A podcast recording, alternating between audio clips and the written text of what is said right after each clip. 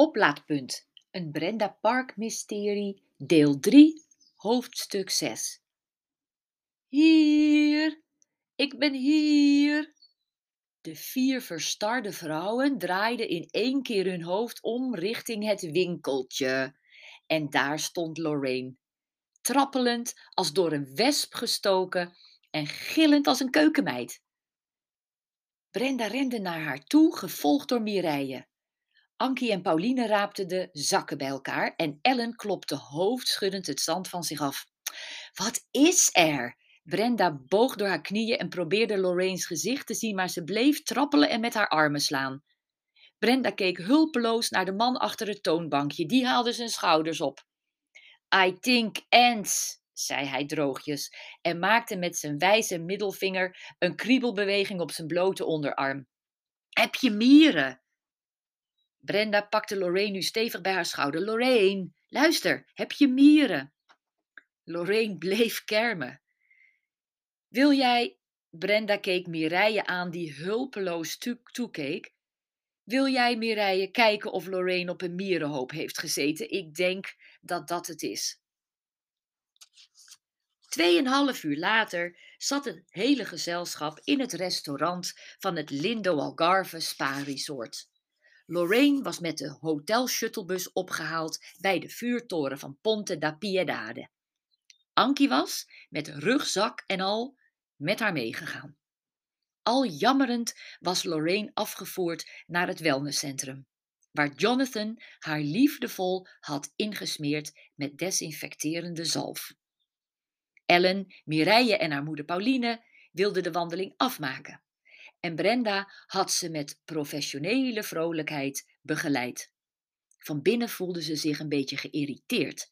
Voor de tweede keer was haar programma door factoren van buitenaf minder ontspannen verlopen dan ze had verwacht.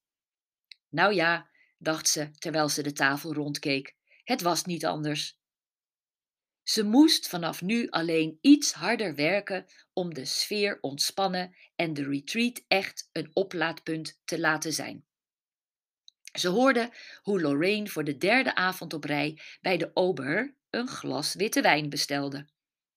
Dat was niet echt de bedoeling van deze wellnessweek, maar ze zou nog meer spanning oproepen als ze daar nu een opmerking over maakte.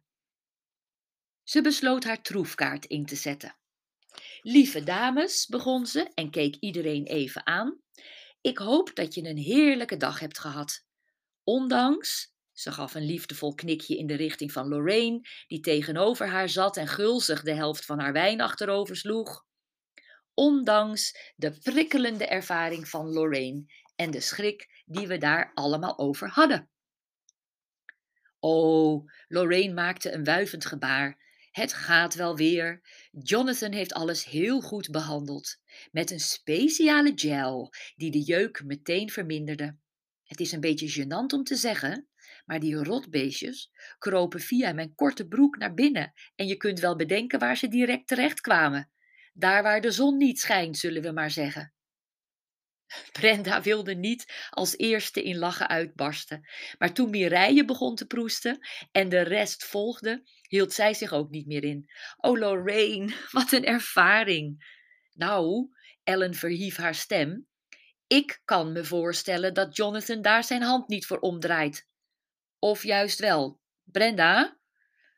Brenda stopte met lachen. Ja, heb je ons de klacht over kunnen brengen aan de directeur? Je lunchte vanmiddag toch met hem? Wat leek die lunch alweer lang geleden na alles wat er vandaag was gebeurd? Eh, Ankie stak haar hand op. Ik heb nooit gezegd hè, dat ik een klacht had, hè? Nee, vulde Pauline aan. Ik kan ook niet echt zeggen dat ik een klacht over Jonathan heb, hoor. En ik ben voor de lunch nog wel door hem gemasseerd.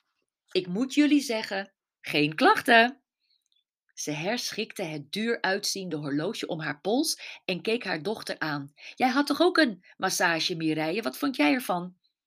Nou, ik heb ook niks geks gemerkt. Maar er kwam zoveel moeheid naar boven dat ik prompt in slaap gevallen ben. Huh? Ellen snoof verontwaardigd. Gisteren zitten we hier te praten over onze ervaringen en is het een duidelijk geval van ongewenste intimiteiten. En dan gaan jullie vandaag weer doodleuk naar hem toe? Over mijn lijk dat ik dat zou doen. Dames, Brenda deed haar best om niet wanhopig te klinken. Iedereen die behoefte heeft aan een ontspannende reiki-behandeling vanavond voor het slapen gaan, is welkom bij mij. 20 minuten handoplegging om het zelfgenezende vermogen van je lichaam te activeren. Wie wil? Haar afleidingsmanoeuvre werkte. Graag, riep Ankie. Wij willen ook, zeiden moeder en dochter Valk in koor. Daar ben ik wel aan toe, bromde Ellen. Als het mijn mierenbeestjes geneest, vroeg Lorraine. En Brenda knikte. Het zou een latertje worden vanavond, maar iedereen zou vast en zeker slapen als een roos. En dat was de bedoeling. Om bij haar deelnemsters niet te veel op te rakelen aan oud zeer en onverwerkte ervaringen en om het geen nachtwerk te laten worden, hield Brenda tijdens de reiki-behandelingen zoveel mogelijk haar mond. Ze liet haar handen het werk doen. Ze voelde de eenzaamheid van Ankie, de wanhoop van Ellen, de ingehouden woede van Mireille, de weerstand van Pauline en de moeheid van Lorraine. Morgen was de derde dag. De dag waarop de groep de diepte inging en de wortels van hun bestaan zouden aanraken. Ze waren er nu helemaal klaar voor. Kort na middernacht lag Brenda in haar bed. Ze stuurde een appje naar Robert. Als je zaterdag om negen uur op de luchthaven van Faro arriveert, sta ik op je te wachten. Toen viel ze in een diepe slaap en droomde onrustig van mieren, mannen en massages.